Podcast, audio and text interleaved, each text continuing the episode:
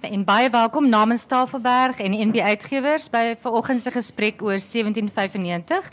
Dan Sley se vierde roman vir volwassenes. Ehm um, Eilande hy het met met groot fanfare op die volwasse mark verskyn met sy eerste roman, ehm volwasse roman Eilande.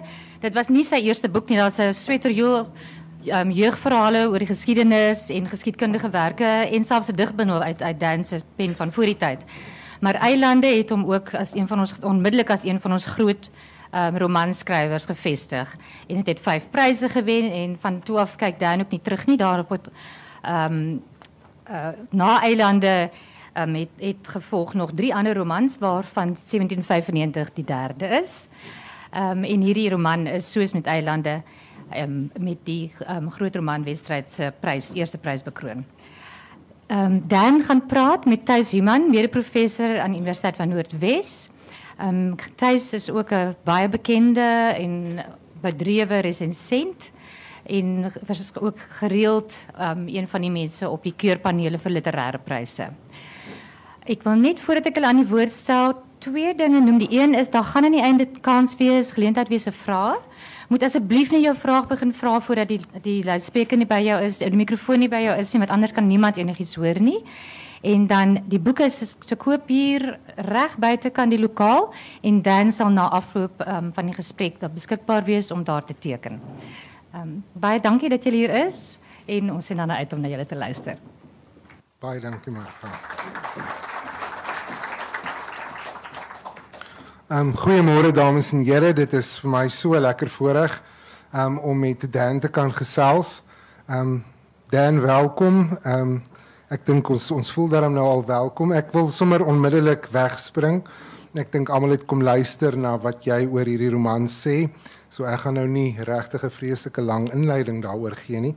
Iets wat vir my interesseer Dan is die rede waarom 'n historikus van jou kaliber oorspronklik be besluit het om ook historiese fiksie te skryf. Ons het nou gehoor dat jy nie net die skrywer is van romans vir volwassenes nie, maar ook die skrywer van van jeugromans ook met 'n historiese ingesteldheid.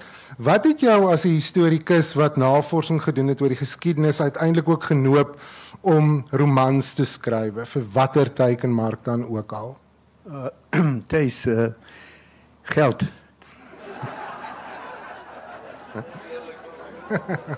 ek uh, ja, onderwyser met 'n gesin moet 'n tweede inkomste hê. Dit is uh, ek moes my studies finansier en daarom het ek vir die skolemark begin skryf. Ek ek ken nie die die begrip uh, jeug jeug uh, lektuur, jeugroman. Ek dink nie ek sal dit kan doen nie. Ek het vir die skolemark geskryf. En daarna het nasionale pers se groot romanwedstryde gekom wat ek uitgevind het dat daar veel meer te wen was as net groot belastingvrye kontantpryse. dit het uh, dit het vir my 'n nuwe lewe gegee. Is dit die enigste rede waarom jy dit geskryf het, hè?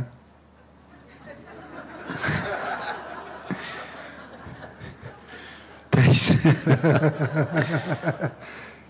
Ehm um, nee nee dit is nie maar jy weet reeds wat die ander is. Ja, nee. Ehm um, een ding wat vir my wat as as 'n mens nou sê mens mens skryf benewens ehm um, jou historiese en geskiedkundige werke eintlik ook romans. Ehm um, watter uitdagings word daar aan jou as as skrywer, as dokumenteerder gestel wanneer jy dan uiteindelik oorbeweeg van kan kan ons dit vandag nog in hierdie tyd en eeu suiwer historie noem dan nou na iets soos 'n roman. Wat watter uitdagings word daar aan jou as skrywer gestel? Uh die komplekse vraag baie swaar. Maar ek gaan my bes probeer. Geskiedenis is die die vak. Geskiedenis is die ontleed en vertolk van dokumente. Dokumente van alle soorte. Soos 'n verroeste geweer is 'n dokument, nie net 'n geskrewe testament of 'n uh of 'n huwelikskontrak nie. Alle dokumente, foto's, koerantuitknipsels. Nou die ontleed en vertolk van dokumente is 'n kuns en 'n wetenskap. Die die navorsing is die wetenskap. Die skryf is die kuns. En bykomend noodsaaklik, die skrywer moet die bronne van sy stellings met voetnote aandui. Maar die historiese roman is skoon kuns, 'n produk van kennis en verbeelding. Dit vra totale inspanning, totale toewyding en baie geluk. Maar wanneer ek fiksie skryf, gaan dit oor mense, mense van die verlede, mense in groot moeilikheid. En geskiedenis is nie te sprake nie. Ek verstaan. Ehm um, as jy nou as jy nou sê die die geskiedenis is nie ter sprake nie, dan moet dit sekerlik so klein bietjie gerelativeer word want natuurlik moet 'n verhaal oor oor die geskiedenis, 'n historiese roman ook op 'n sekere manier getrou bly aan die feite. Dit moet ook op 'n sekere manier getrou bly aan die geskiedenis. Hoe hoe besluit 'n mens as 'n skrywer hoe jy daardie balans gaan handhaaf om met ander woorde getrou te bly aan dit wat feitelik is, maar uiteindelik dan jouself ook ehm um, die verbeelding en die en die en die groter vryheid ten opsigte van interpretasie te veroorloof. Ja, ek ek ek wil dit weer sê. Ek skryf oor die verlede, nie oor geskiedenis nie. Geskiedenis is die ontleed en vertolk van dokumente. So so ek skryf oor gedokumenteerde gebeure uit die verlede ja. en oor mense uit die verlede. Ja. Jou jou roman Eilande ehm um, gaan oor die die pionierstyd hier in die hier aan die Kaap aan die aan die begin van die bewind van van van die van die Nederland of die begin van die Nederlandse bewind in die Kaap 1795 dokumenteer of of of ehm um, of in 1795 skryf jy eintlik aan oor die einde van daardie tipe bewind. Ehm um, Eilande is 'n roman wat oor verskriklik baie jare, eintlik dekades, eeue strek in 'n sekere 50 jaar. 50 jaar, ja, ekskuus. Ehm um, uh alweer dekade, ag halwe eeu. Ehm um, ja, dit is dis dis 'n roman met 'n wye wye opset. Dit dit strek oor vele kontinente, oor verskillende eilande. Dit het 'n 'n sewe taal mans karakters uit wie se perspektief dit dit uiteindelik aangebied word. Iets wat my opgeval het oor 1795 is dat daar 'n uh, baie groter fokus is. Dit is 'n uh, dis 'n roman wat eintlik afgestem is op heelwat minder karakters en 'n en 'n en eintlik in in een man eintlik saamkom. Dit is definitief baie meer gelokaliseer. Hoe het die hoe die skryf van 1795 teen teen daardie agtergrond vir jou verskil van die skryf van iets soos byvoorbeeld Eilande? Ehm um, as ek nou net 'n bietjie mag verbreed en sê hoe het dit verskil van die vorige romans? Ja, ja asseblief. Ja, van alle ja. van al jou vorige ja. romans, ook van van ehm um, afstande en van Wals met Matilda. Ja, dat, dat dan is dit net Matilda wat anders was omdat Matilda is 'n mengsel van hede en verlede. Maar afgesien daarvan was dit dieselfde proses, dieselfde ure by die tikmasjien en dieselfde deeglike besprekings met die eerste leser Helena Dr. Uh, Helena Scheffler kultuurhistorikus en daarna herlees, herskryf, herlees, herskryf, herskryf, herskryf. Die die die die uh, as jy nouer neem tussen eilande dan is daar jy het 'n groot chaos voor die skepping. Die, die, alles is woes en leeg. En daarin is sewe uh mense sewe mans en een vrou. Uh nou aan die einde is daar chaos en een man een een persoon wat orde probeer skep uit die chaos. So dit dit in in uh, die die die uh, sal ons sê die mikroskoop of die teleskoop want die teleskoop kyk die die heelal in en die mikroskoop kyk kleiner en kleiner in die menslike selle in. Ek weet nie watter een, miskien is dit albei, miskien is dit uh, ja, miskien is dit albei. Ek probeer die die uh, die fokus bring op een enkele persoon en dit is William Ferdinand ehm uh, die man met die Engelse name wat tot die einde weerstand bied aan die Engelse invaller. Dis die beste wat ek kan doen met daardie ene. Nee, baie dankie. Ehm um, jy sê nou jy fokus op op William. Um, daar's soveel ander interessante karakters wat deel vorm van hierdie verhaal. Ehm um, jy het byvoorbeeld vir Gordon en jy het byvoorbeeld vir Sluiskin. Ehm um, waarom die besluit om dit juis vanuit die perspektief van William aan te bied? Ehm um, ek dink jy het nou al begin in die rigting praat van dat hy is die een wat uiteindelik verset bied. Hy is die een wat die moed van die oortuiging het om inteendeel te sê. Is daar ander ja, redes hoekom ja. jy juis op William besluit het? Ja. William was uh vir my 'n geskenk geweest. Ek het hom klaar gemaak gekry. Uh hy's 'n man met 'n baie goeie oordeel. Ek kan dus op sy uh oordeels vermoë staat maak om die regte pad te kies. Nou ek het hom teengekom in twee argivale uh, uh, dokumente. Die eerste was wat in die argief as die laaste dokument van die politieke raadsargief sal vind. Is 'n briefie wat hy self geskryf het die aand voor die oorgawe waarin uh en hy onderteken baie mooi handtekening, sterk, stewig dat hy weier om oor te gee. Hy sien geen rede om oor te gee nie. Sy afdeling het nog nie eens begin veg nie. En uh en dit is die dan die laaste dokument in 200 en nee amper 300 sulke dik bundels wat handel van 1651 toe Jan van Riebeeck nog op see was tot 1795 dit is 143 jaar. Se dokumente en syne is die heel laaste dokument. Dit is wat eers my my aandag getrek het. Wie was die persoon? Daar's 'n politieke raad van 9 mense en hy staan alleen.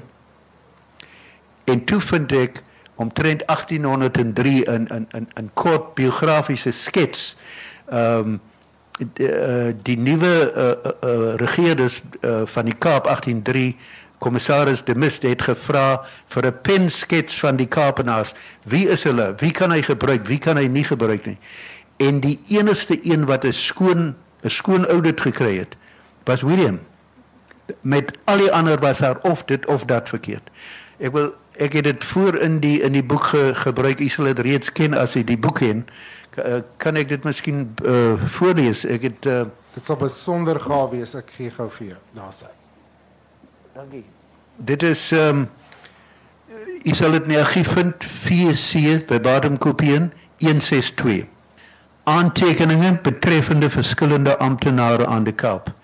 William Ferdinand van Rede van Oudtshoorn lid der regering met skaders president van kommissarisse uit die rade van justisie ons sal hom noem nou die hoofregter en administrateur van kompanjies graanmagasyne hy moet sorg vir die broodvoorraad soos Josef in Egipte 'n warme aanhanger van die tenwoordige konstitusie Nou dit is die die uh, uh, republikeinisme, die die teenwoordige konstitusie. Nederland het sy koning weggejaag en uh, republiek uitgeroep. Die met al sy magt de Engelse heeft tracht te weren en deswegens ook verskeide onaangename onaangenaamheden heeft moeten ondergaan omdat hy die Engelse met al sy mag teengegaan het het hy verskillende onaangenaamhede van hulle kant ondervind. Hy besit 'n gesond en goed oordeel. Hy voer met die grootste noukeurigheid uit al hetgeen hy onderneem en hy onderhou alle sy sake met die, in die volmaakste orde dat hy ook met goed gevolg souden kunnen werden gebruikt in het militaire vak as 'n soldaat, as 'n offisier getuige zijn verrichtingen als commandant van het korps Penisten. Alleszins recommendabel. Te meer daar hij bij de burgers zeer is gezien. Hij is hoog in aanzien bij die burgers. Hulle hulle dink baie van hom. So, daar het hy 'n klaargemaakte man. Dankie. Al wat al wat ek hoef te doen is om hom klere aan hom te sit en om in 'n sekere huis te sit. Maar die huis het reeds bestaan. Die huis bestaan nog en verder vir hom volgens die plan wat ek vir hom opstel te beweeg op te tree. Dan was dit vir jou maklik of moeilik om jou in te dink in so 'n waardige man? Maklik. ek het geen ander antwoord verwag nie. Ehm um, ek ek iets wat vir my baie interessant is, is jy sê jy het, jy het hierdie man gekies en jy moes eintlik vir hom nog klere aantrek. Jy moes hom in 'n huis geplaas het. Jy het hom ook in 'n baie besonderse I mean hy hoort in daardie stad. Die stad is eintlik in 'n sekere sin sy hele wêreld. Ehm um, dit, dit dis iets wat jy nou nou vir my genoem het en dit het my so getref dat die Kaap eintlik sy hele wêreld is. Hy het nie eintlik 'n ander wêreld gehad nie. Ehm um, tot watter mate word die Kaap wat eintlik dan nou ook um, op die voorblad van die roman verskyn hierdie afbeelding wat mense op die kolofon lees, um, uiteindelik dan 'n uh, kunswerk is van Johannes uh, Schumacher van 1777. Tot watter mate word Kaapstad en Tafelbaai uiteindelik ook 'n karakter in hierdie in hierdie roman? Uh dit is 'n liefdesverhouding. Uh William se se land. Nou hy's hy is hier gebore, so hy's hy's 'n Kaapenaar. Hy is nie 'n Nederlander nie. Hy het ook geen begeerte om terug te gaan Nederland toe nie. Maar sy land, sy sy sy vaderland uh strek van die mond van die bergrivier, dit is St Helena Bay tot by die mond van die Brede rivier.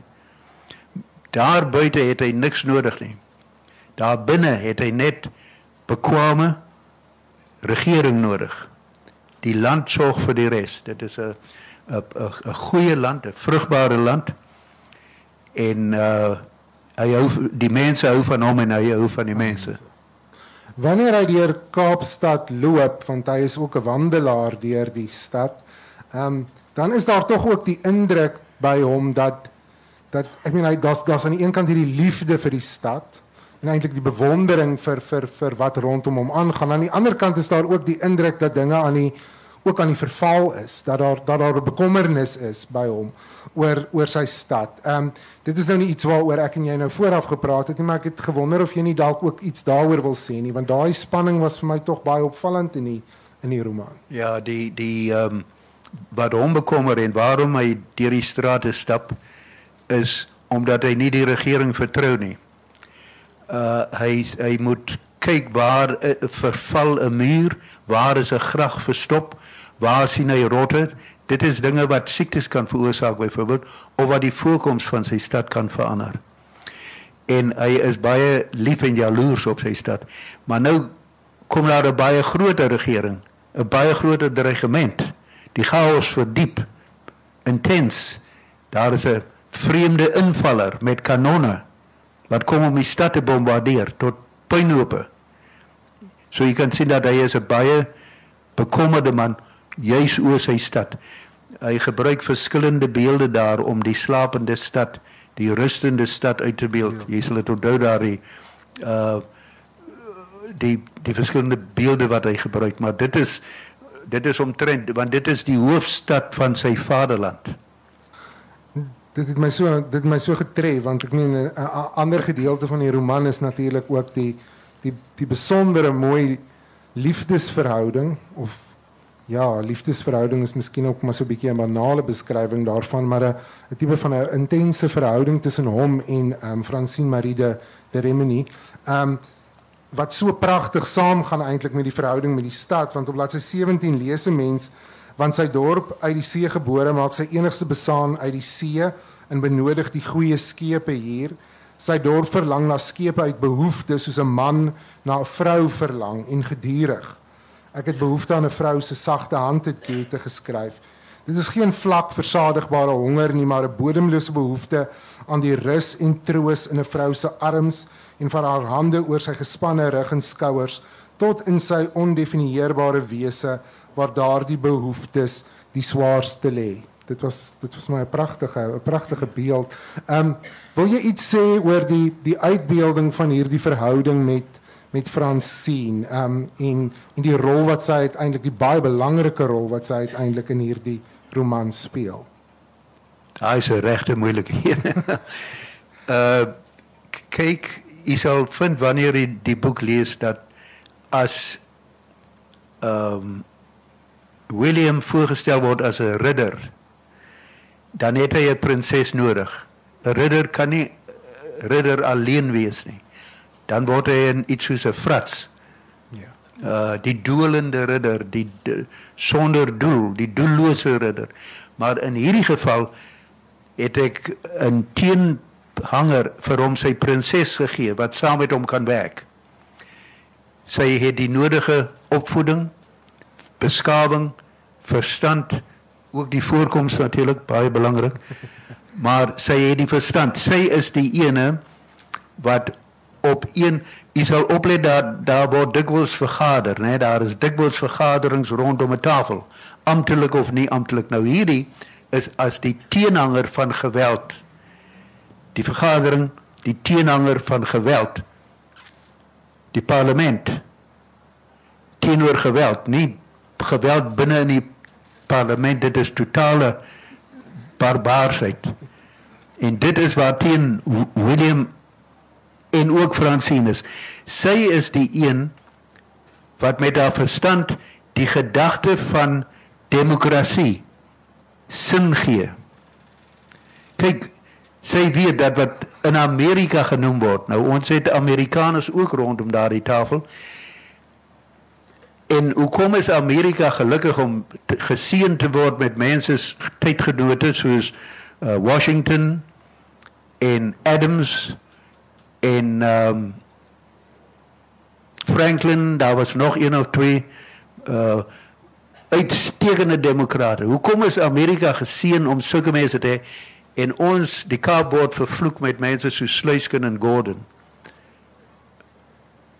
Waarom? Ek weet nie. Maar wat sy sê van demokrasie, sy sê vir die Amerikaner wat julle het, julle noem dit demokrasie omdat dit so mooi klink, maar dit is maar een man een stem wat sy sy ek, as ek reg onthou noem sy ook vir hulle in die Griekse demokrasie is die staatsamptenare nie eens betaal nie.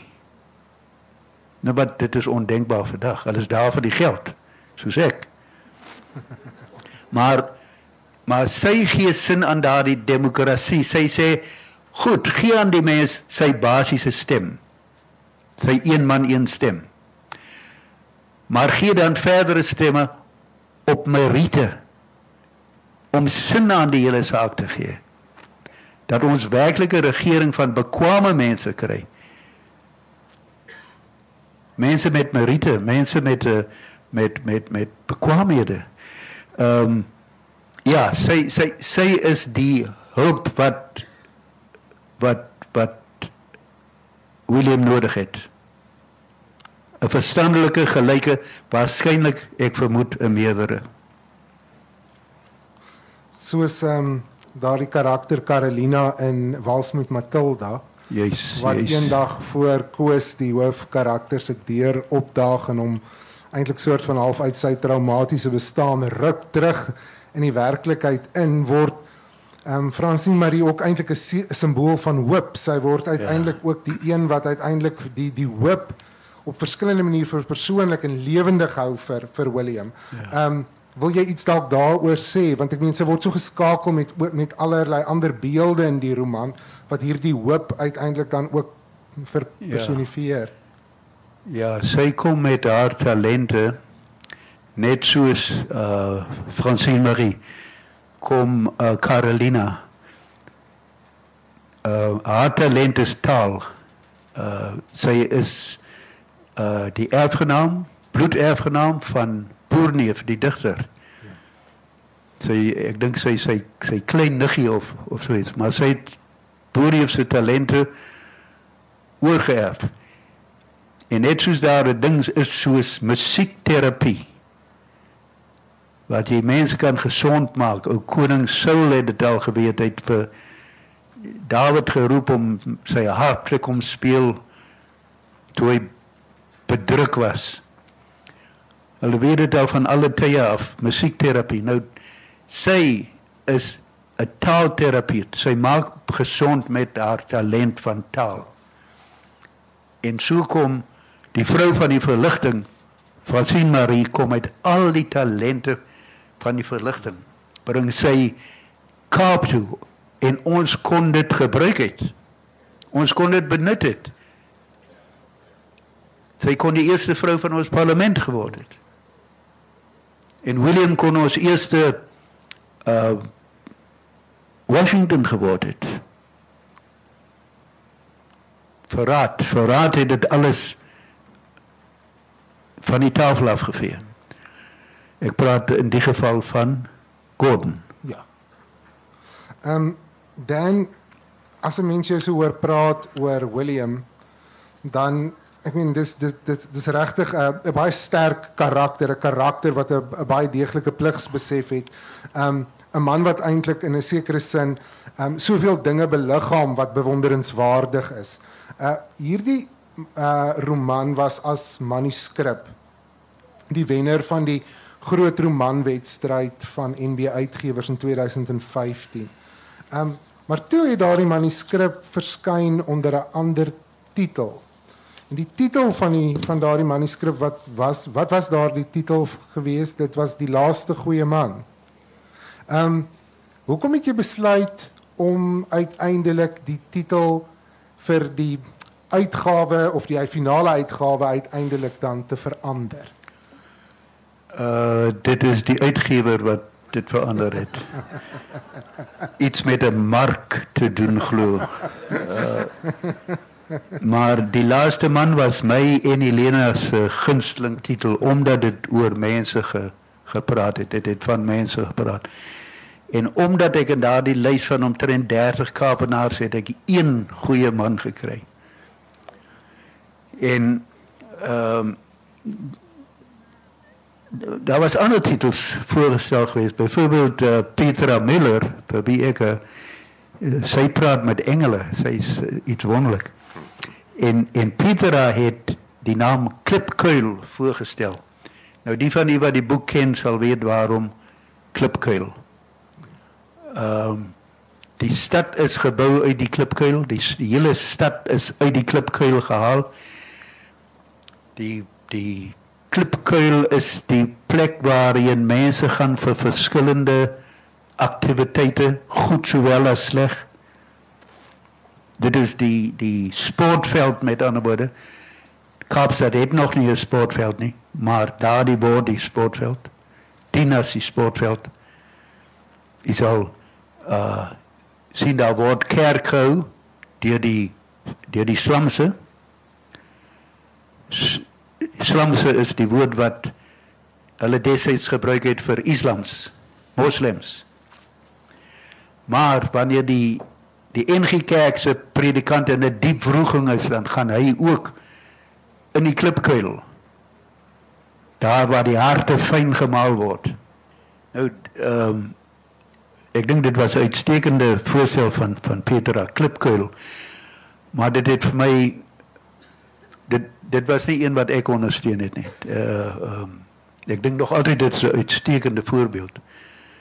Maar ek sou liewer uh die laaste goeie man wou gehad het. Nou kom ons gee vir die uitgewers die benefit van die bout en dan dink ons wat wat wat se winste bring 1795 volgens jou na hierdie roman toe. Daai daai klem wat op 'n spesifieke waterskeidingsjaar geplaas word. Ehm um, uh op watter maniere vind vind vind vind dit uiteindelik inslag in jou roman? Ja, dit dit, dit is 'n bakenjaar. Dit is absoluut en ek dink dat die uitgewer was reg om dit raak te sien dat dit 'n keerpunt is. Ons het hier in die onlangse uh, verlede die jaar ek dink 1994 was dit die jaar van Mandela en en en de Klerk. Dit was die jaar.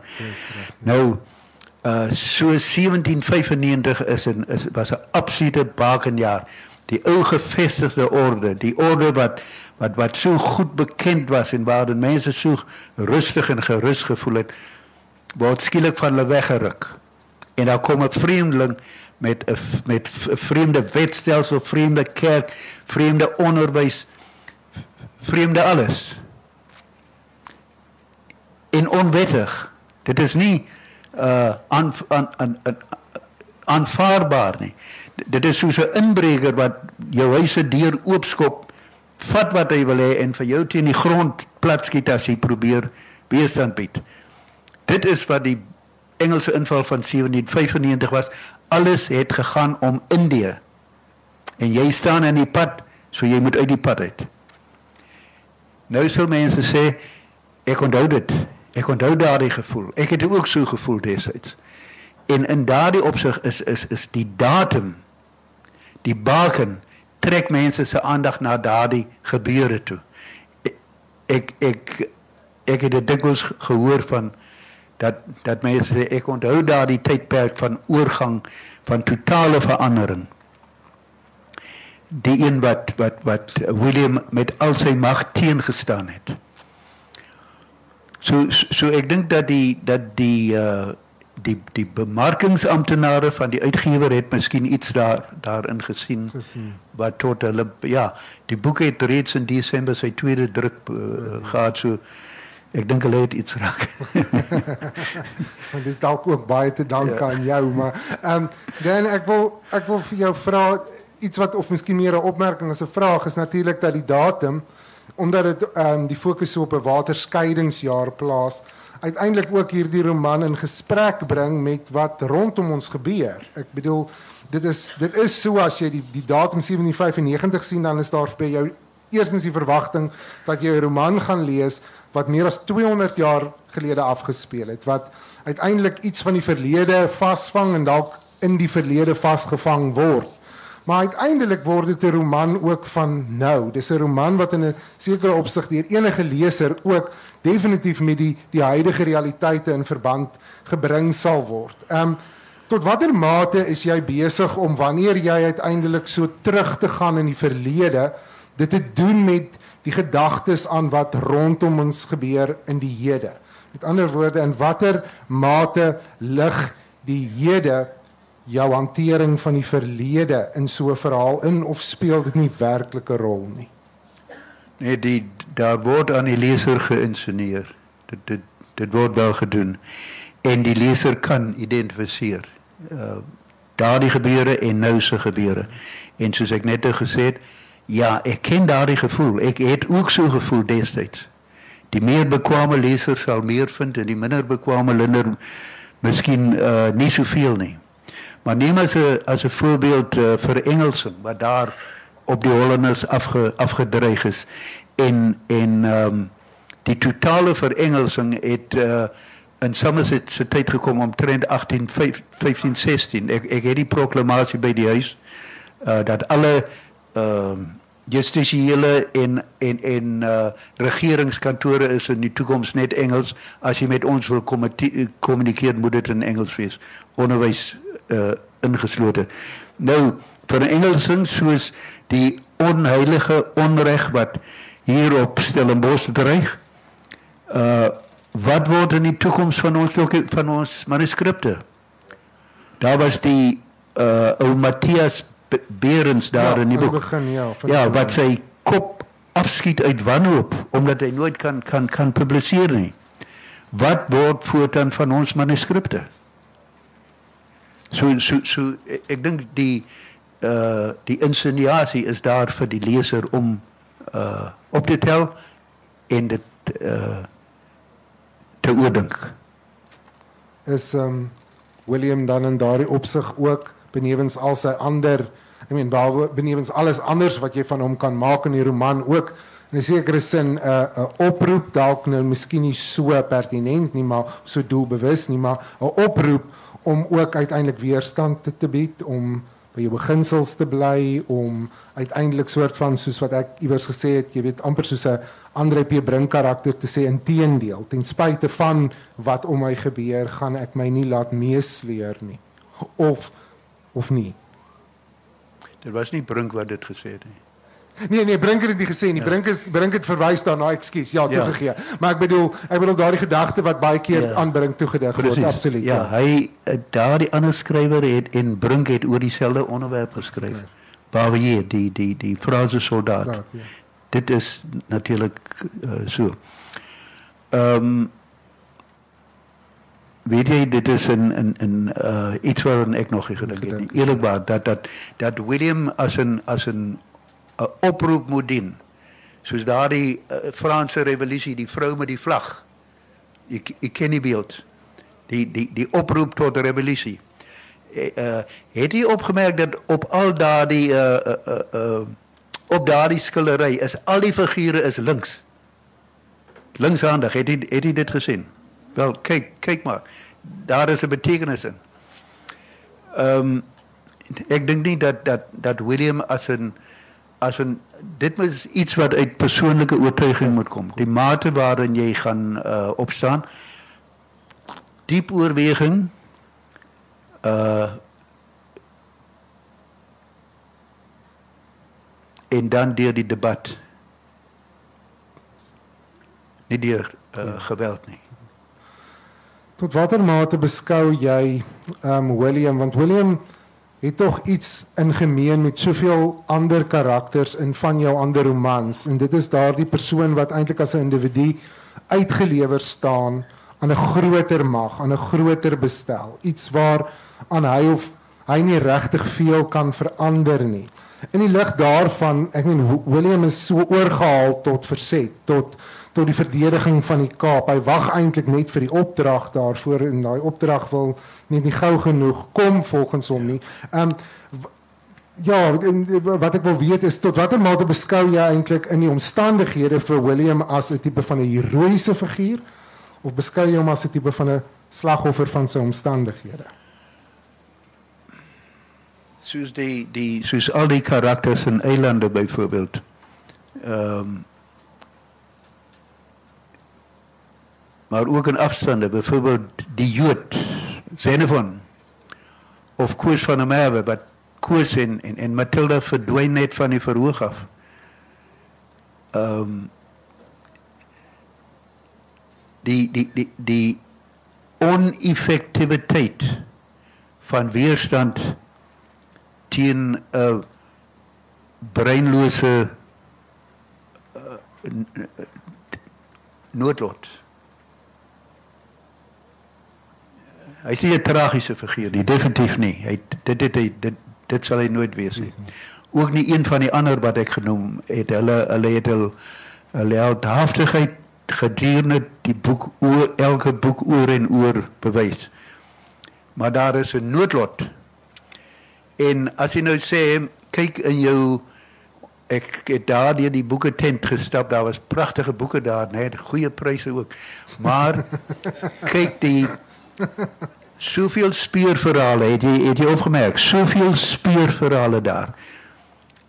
Daar's 'n held en daar's 'n skurk en die held gaan wen en ons hou daarvan dat die held gaan wen en daarom koop ons daardie boek om te sien hoe die held die skurk in die stof plat skiet. Ek doen dit anders want ek sê dit is die held teen die noodlot. Daar's ook 'n held en 'n skurk. Maar die skurk is die lewe, die noodlot. Teen wie jy uiteindelik nie kan wen nie. Jy moet selfs die dood beskou as jou jou uiteindelike ondergang. Jy kan so goed lewe soos jy wil, maar tot daardie val gaan jy kom. Shakespeare het gesê, ehm uh, toe hy met die skierel in sy hand staan. Hy sê, "Nou gaan nou na die dames se kamer toe." En sê vir haar, sy kan 'n duim dik verf aansit. Maar tot hierdie val gaan sy kom. Dit is 'n uh, dis omtrent daardie beeld dat jy op die ou end nie kan wen nie en daarom dink ek is my uh aflope is dit die uh eindes van die verhaal is meer eg as die die 007 tipe van uh, groot helde met gewere en en vinnige motorkarre. Ek is baie bly daaroor. Ehm um, wat wat ek vir jou ook wil vra is dit is miskien so klein bietjie terugkeer na van 'n vorige vraag en dit is tot watter mate kan 'n mens en in watter omstandighede kan jy as 'n skrywer van so historiese roman, 'n roman oor die verlede, kan jy jou verbeelding heeltemal vrye teels gee? En as 'n mens as jy dit kan terugbring na 1795 toe, mag ons dalk weet of daar sulke geleenthede is of gaan ons maar altyd moet raai. Uh een een die eerste vraag. Die eerste vraag is in watter omstandighede kan kan 'n skrywer sy verbeelding heeltemal vrye ja. teels gee? As jy nou in ag neem dat jy werk met die verlede en jy werk met sekere feitelikhede ten opsigte van daardie verlede. Ja. Jy jy is vry, jy's absoluut vry. Uh jy moet net nie gek van jouself maak nie. Uh deur deur wat is die woord vir daardie ehm uh, uh ons onderwysers het altyd gesê as een van as Hamlet 'n sigaret rook op die verhoog dan is dit 'n anachronisme. Anachronisme, ja, dat jy soos ek, ek het uh, net nou vir jou 'n voorbeeld gegee van iets verskriklik wat ek gelees het in 'n in 'n storie. Maar ehm um, maar ja, jy ek dink jy is so vry, so vry, absoluut vry. Uh ek het byvoorbeeld uh gedink my ou vriend Hamlet, my groot vriend, my gedurende vriend, wonderlike 'n absolute prins. Ehm um, maar net so is William ook. Sy pa spook by hom. Jy sien, nou dit is iets wat ek die absolute vryheid gebruik het dat sy pa gedurig vir hom aanjag, aanjag, aanjag. Sy pa spook by hom net soos by by Hamlet. So dit is 'n 'n 'n en uh, waar ek my eie verbeelding en to, to, totale vryheid om te kleur soos jy wil en gebeure en en insidente. Ja, jy's absoluut vry. Wat is die tweede deel van u? Nee, ek ek wou eintlik gevra het vir 'n spesifieke voorbeeld uit die roman, maar dit het jy eintlik nou gegee. So. Ja. Ek is natuurlik nuuskierig vir ander voorbeelde, maar ek gaan miskien nou eerder vir die gehoor die vryheid gee om dalk 'n paar vrae te vra. Ehm um, as enigiemand oor oor die die trant van die gesprek, maar natuurlik ook oor enige ene, enige ander aspek van die roman, is jy meer as welkom om nou die vraag aan Dan te stel. Daar's daar is lyk like my al twee. Daar's 'n vraag. Ja, hier is nog een of twee vrae. Ja, ons het ons nog tyd daarvoor. Ek ons gaan ons gaan hopelik ja. nog daarby kom Dan. My vraag sluit aan by uh, wat nou pas bespreek is, naamlik die vryheid om verbeelding te vermeng met 'n uh, weergawe van 'n stuk verlede. Ons het almal glo ek goed verstaan dat geskiedskrywing en fiksieskrywing so verskil dat daar miskien 'n gaping kan wees tussen die karakter soos in die geskiedenis beskryf en dieselfde karakter in fiksie. En my vraag aan Dr. Sley is spesifiek oor die karakter Gordon. Is daar 'n groot gaping Dr. Sley tussen die Gordon van die geskiedenis en die Gordon van 1795? Uh dankie vir die vir die vraag. Dit is maklik, uh, seker die maklikste vraag van die dag. Dit is uh die karakter wat ek die naaste aan die werklikheid uh, gehou het. Um omdat ek 'n verskriklike afkeer het in daardie figuur Gordon. Ek het donderdag aand by die uh, militêre geskiedenisvereniging gepraat oor hierdie onderwerp Gordon as verraaier. En ek het dit vergelyk met uh die tydgenootlike uh houding wat sou gebeur het met hom as so so soos Gordon gesê het uh, hy wil graag 'n great Britainer wees. Nou uh uiteindelik het die Britte hom verwerp, maar wat sou gebeur het as hy 'n Britse offisier was? Dit was die Britte en ek het die voorbeelde daar genoem van kapteins Kirby en Wade en admiraal Bing wat deur hulle eie troepe doodgeskiet is omdat hulle nie aangeval het nie, omdat hulle nie die vyand gestorm het nie, aangeval. Christian de Wet styl.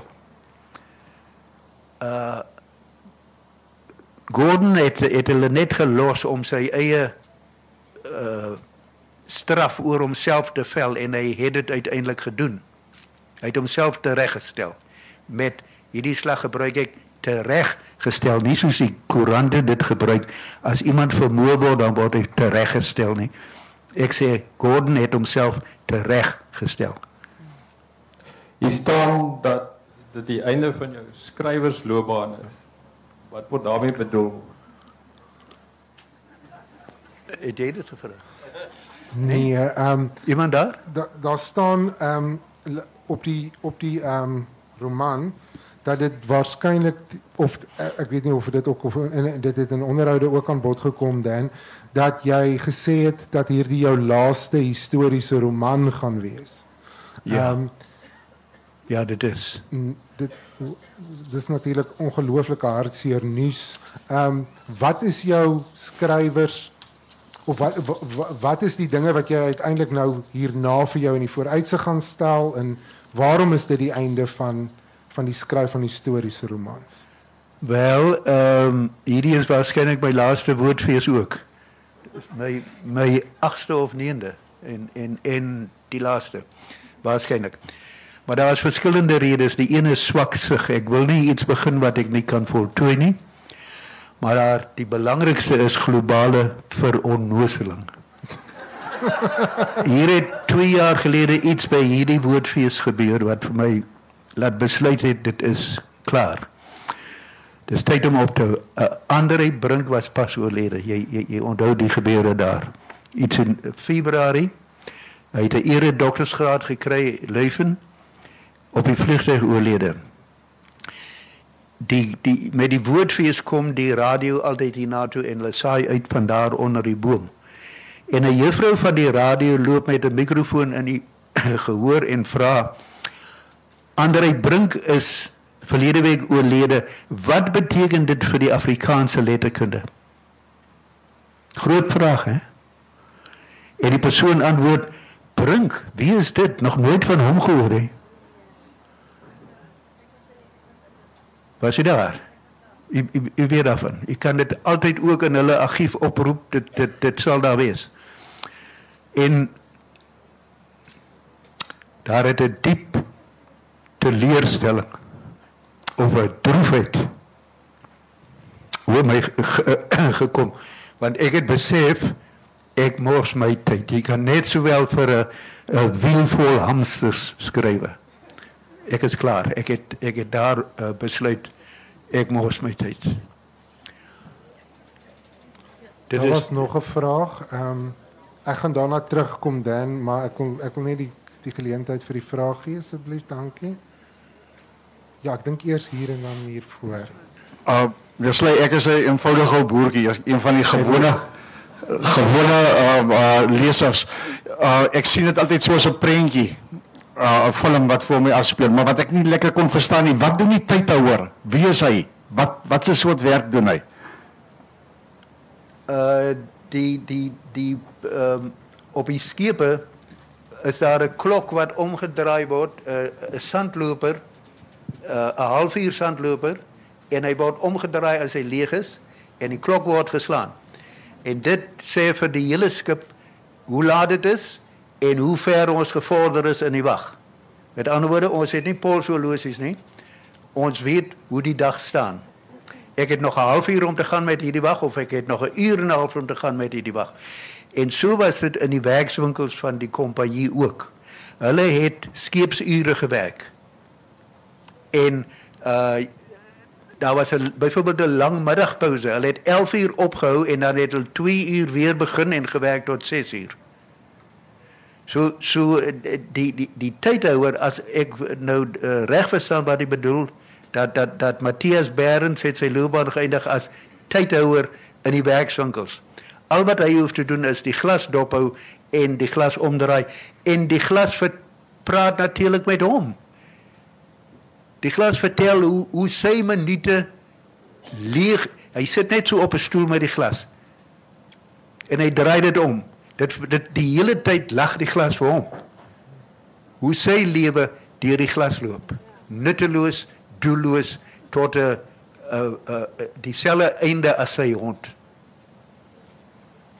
Ek so, kan hier 'n laaste vraag, um, want ek dink ons tyd is besig om die ding aan. Hallo Dan. Ehm um, Hier. Yes, hello. Hallo.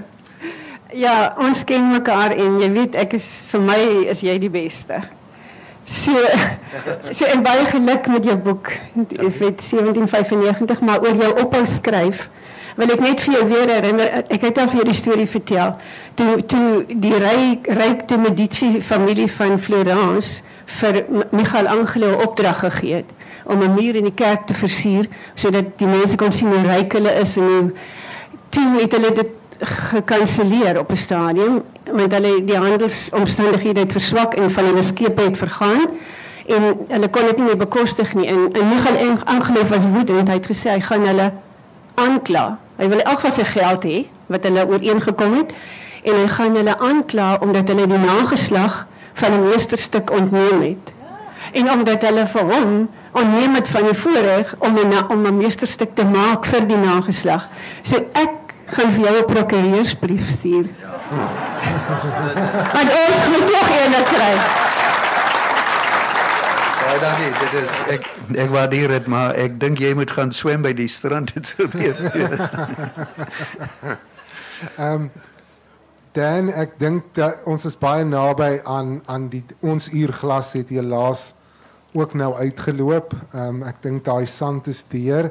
Ek wil aansluit by die laaste vraag. Ehm um, ek dink ek ek het heeltemal respek met jou vir jou besluit om op te hou skryf van historiese fiksie. Ehm um, jy het in onderhoude genoem dat jy nog geskiedenisse wil opskrywe, ja. dat jy nog ehm um, historiese navorsing wil doen. Daarmee wens ek jou alle sterkte toe. Ek is verskriklik hartseer oor oor my opmerking van die honderde jare wat eilande strek toe jy nou praat van algemene verdomming toe ek besonder skuldig gevoel. Ehm um, maar ek wil in dieselfde aan uh, selfde dieselfde um, stem wil ek daarom net vir jou baie dankie sê. Want ek dink dis regtig en ek praat namens uh, die gehoor. Wanneer 'n mens na jou luister, dan leer 'n mens. Ehm um, jy jy is 'n uh, 'n uh, besonder vrygewig met jou kennis. Ehm um, en ek dink jy's ook besonder vrygewig met jou historiese kennis in hierdie roman. Dit is 'n is 'n absolute roman. Hy werk as 'n roman, maar dit dit dit bring 'n hele wêreld van ervaring en van kennis met hom saam. En ek dink daarvoor wil ons as lesers vir jou besonder baie dankie sê. En ek gaan myself maar vertel dat dit nie enige iets is wat ek gesê het wat beteken dat dit jou laaste woordfees is nie. Baie dankie vir die voorreg, hoor. Dit was regtig aangenaam. Baie dankie Tess.